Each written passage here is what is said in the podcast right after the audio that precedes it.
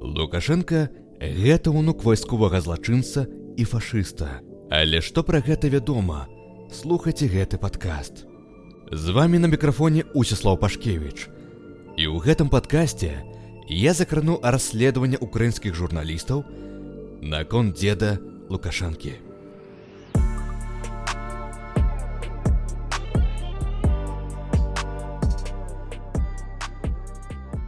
Сам Лукашенко вельмі рупна хавае свае карані па лініі бацькі. Пра свайго бацьку ён увогуле заявіў, што той загінуў падчас другой сусветнай вайны. Проста нагадаю, што Лукашенко нарадзіўся 30 жніўня 1954 года. Хаця ён нават з уласнай даты нараджэння не можа ніяк вызначыцца, што тут ужо казаць пра іншых людзей.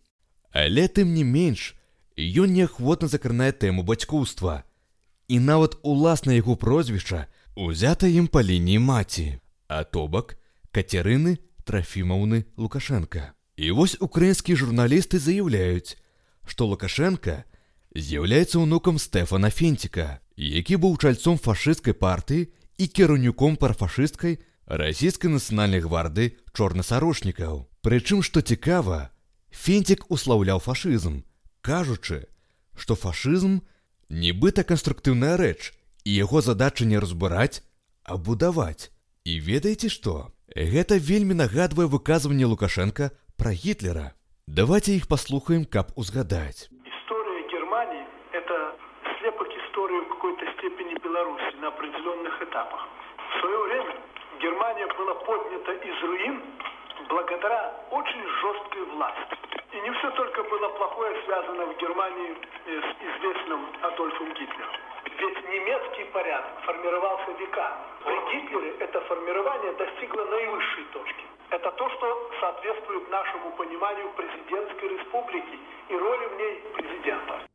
Такія словы Лукашенко сказаў нямецкай газеце Гандельсблад, якая палічыла недарэчным такое прапускаць. А вось беларуская дзяржаўная радыё прапусціла, і тады, у 90-х, інтэрв'ю прагучала цалкам, без цэнзуры. Але ж вярнемся да меркаванага дзеда Лукашэнкі. І вось Стэфан Фенцік родам з Закарпацця. Нарадзіўся ён у мястэчку вялікія лукі. У 1923 годзе ён стаў сузаснавальнікам таварыства імя Духновіча. На чале таварыства ён супрацоўнічаў з расійскай белай эміграцыі і расійскімі нацыяналістамі.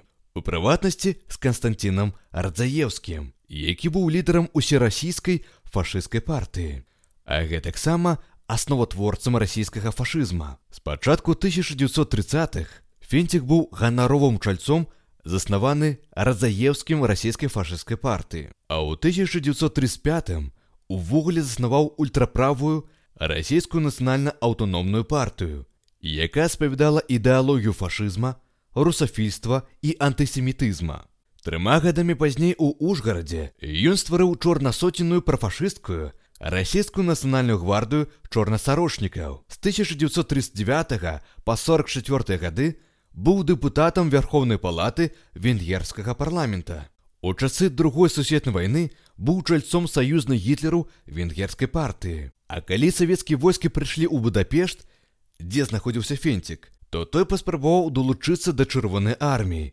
І у яго нават атрымалася уладкавацца працаваць у савецкі штаб перакладчыкам.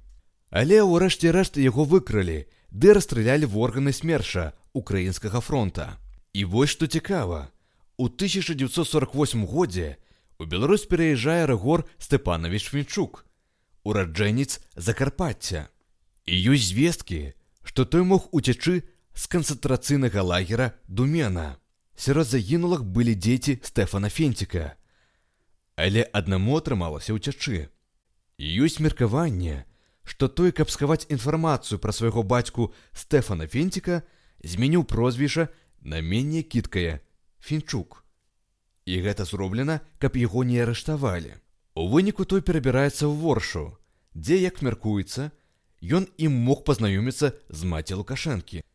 І вось покі Лукашенко пры ўладзе, мы дапэўна не даведаемся, ці на стосоткава гэта праўда. Але калі гэта інфармацыя будзе пацверджаная, то я не здзіўлюся. Бо гэта не дзіўна, адкуль у гаўляйтара столькі русафільства, жорсткасці і прагі да злачынстваў.